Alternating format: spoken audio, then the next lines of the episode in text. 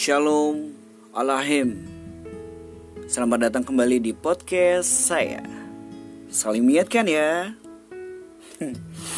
Oke, kali ini Gue mengingatkan kita semua Dari apa yang Lumayan menggelitik gue hari-hari ini Tentang statement gereja-gereja Yang Membuat Ibadah secara online dan memberikan statement biar sekarang gereja yang datang ke rumah kalian.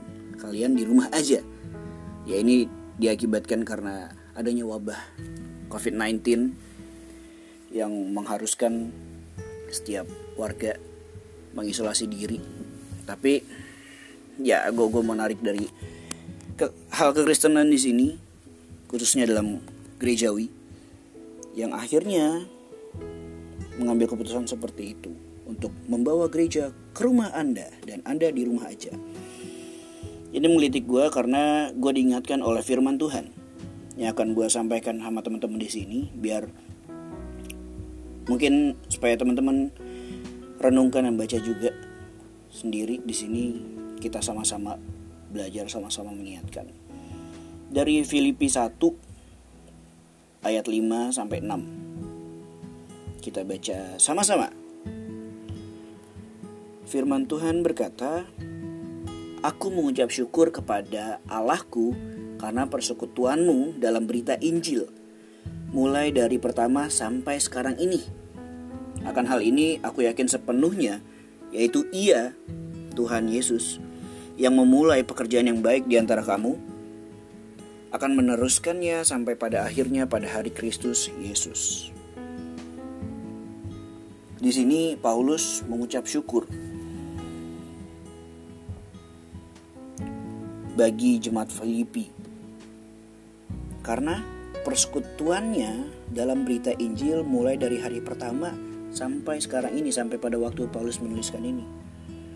Kenapa sampai Paulus mengucap syukur? Karena jemaat di Filipi ini bersekutu dengan berita Injil.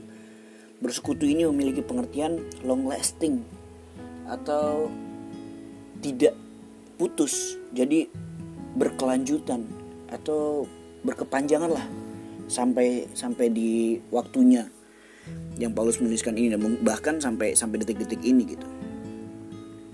Nah, ini yang Paulus syukuri bahwa dia melihat jemaat-jemaat di Filipi ini bersekutu terus dalam berita Injil.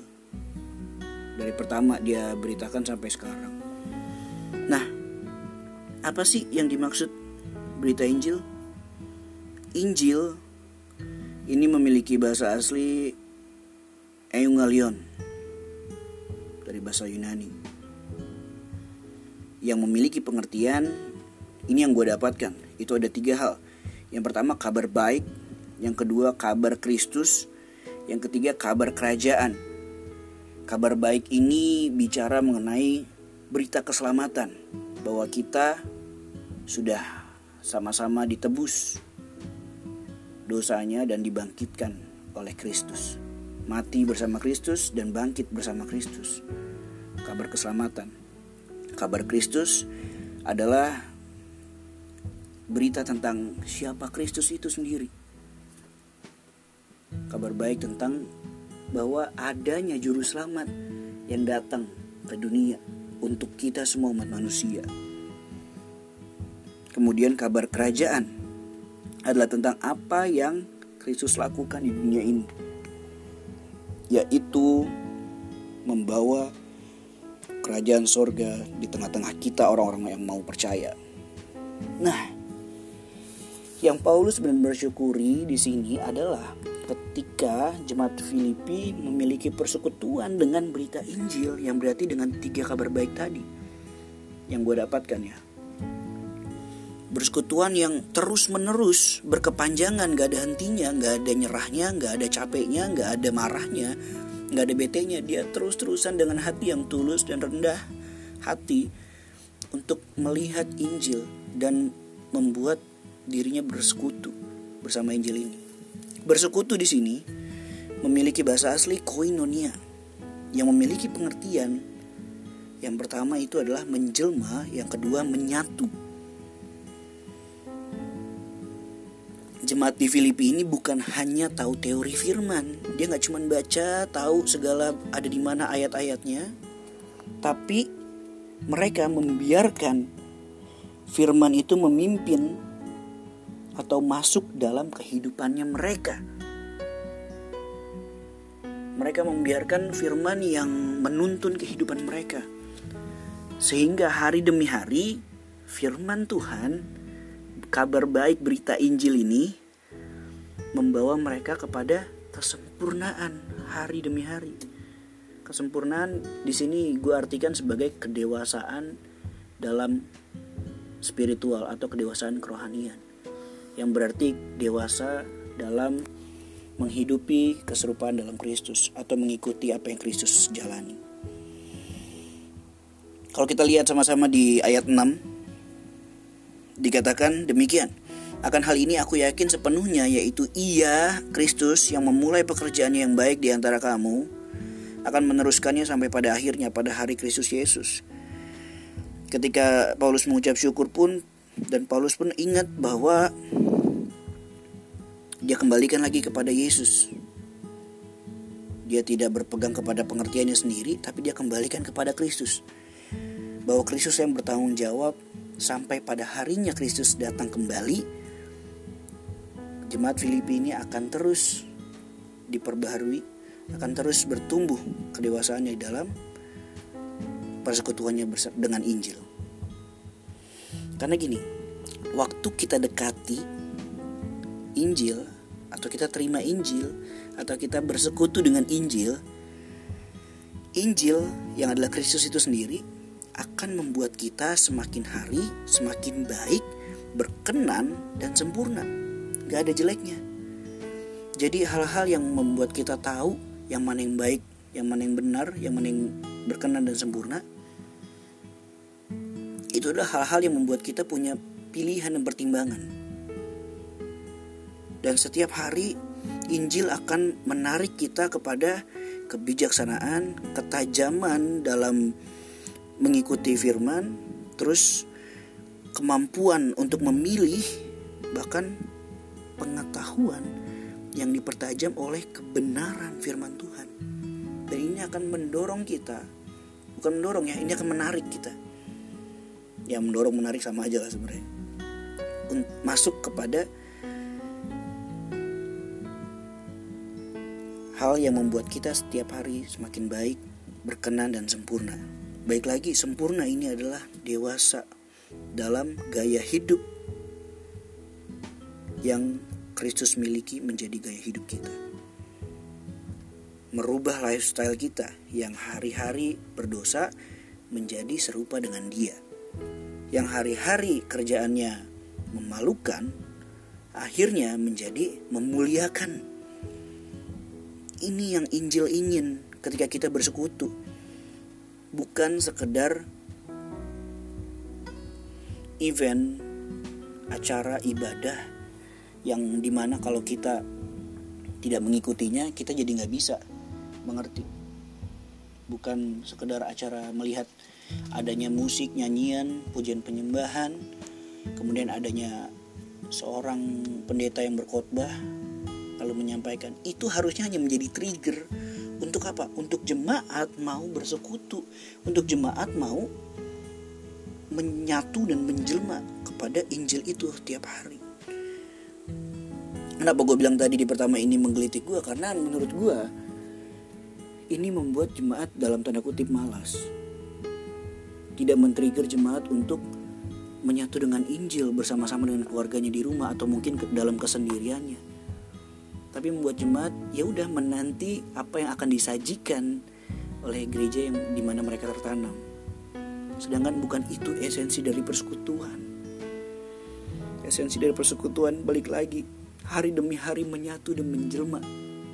Kalau di mana kita bersekutu kita nggak bisa menjelma dengan Injil nggak bisa menyatu dengan Injil berarti itu bukan tempat yang tepat untuk kita sama-sama bersekutu. Tempat yang tepat untuk kita bersekutu adalah di mana kita di-trigger terus untuk merenungkan firman Tuhan, firman Tuhan siang dan malam. Untuk menjalani, untuk membiarkan firman Tuhan ini memimpin kehidupan kita siang dan malam. Walaupun gak enak, walaupun sakit, walaupun gak nyaman. Karena apa? Karena kita akan dibawa semakin baik, semakin berkenan dan semakin sempurna di dalam Tuhan. Di dalam keserupaan dengan dia, Kristus Yesus. Hari-hari ini, hari-hari terakhir, kasih orang-orang akan menjadi dingin. Firman Tuhan katakan. Kenapa? Karena orang-orang tidak mau bersekutu dengan Injil.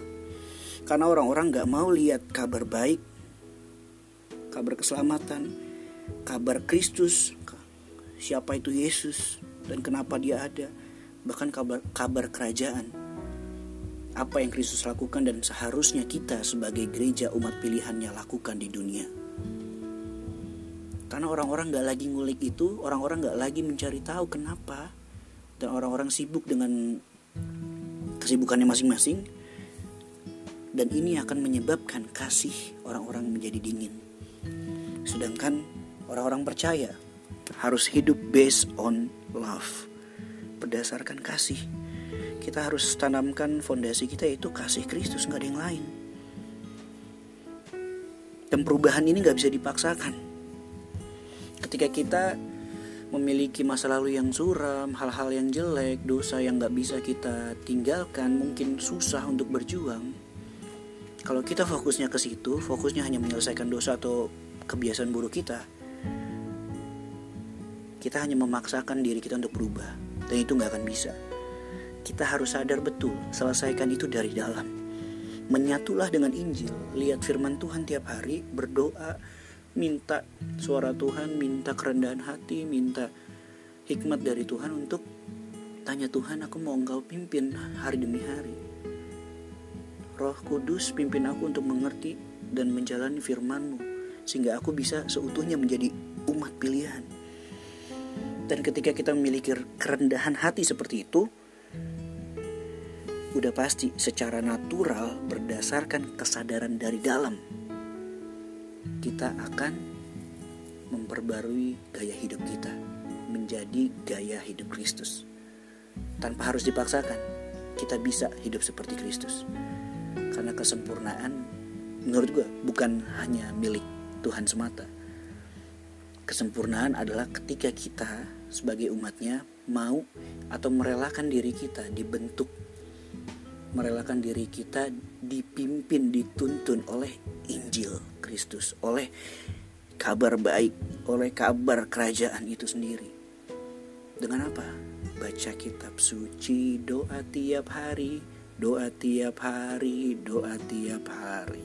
Baca kitab suci, doa tiap hari kalau mau tumbuh. Kalau kita mau tumbuh dalam Kristus, baca firman, doa doa doa apa? Minta hikmat. Minta tuntunan Roh Kudus. Jangan baca doang. Akhirnya yang dipenuhi hanya pikiran. Jangan doa doang yang akhirnya kita ke apa ya? keroh-rohan atau ya gitu. Akhirnya kita nggak nggak lihat kenyataannya bahwa Tuhan juga berbicara lewat hal apa pun dari firman-Nya. So, ayo gereja-gereja Tuhan bangkit. Gereja-gereja Tuhan sadar bahwa kita adalah gerejanya. Bukan berarti nggak boleh, bukan berarti gue nggak setuju sama gereja online ya. Tapi ini kurang tepat karena sebaiknya gereja justru men-trigger umatnya, men-trigger jemaat Tuhan, bukan umat gereja ya, umat Tuhan untuk bersekutu dengan Injil lebih lagi untuk bersekutu dengan firman lebih lagi. Sehingga apa? Sama-sama gereja dan orang-orang yang sedang di rumah aja ini bergerak, berjalan memenuhi keserupaan kesegambarannya dengan Kristus Tuhan. So itu aja. Semoga kita semua diberkati.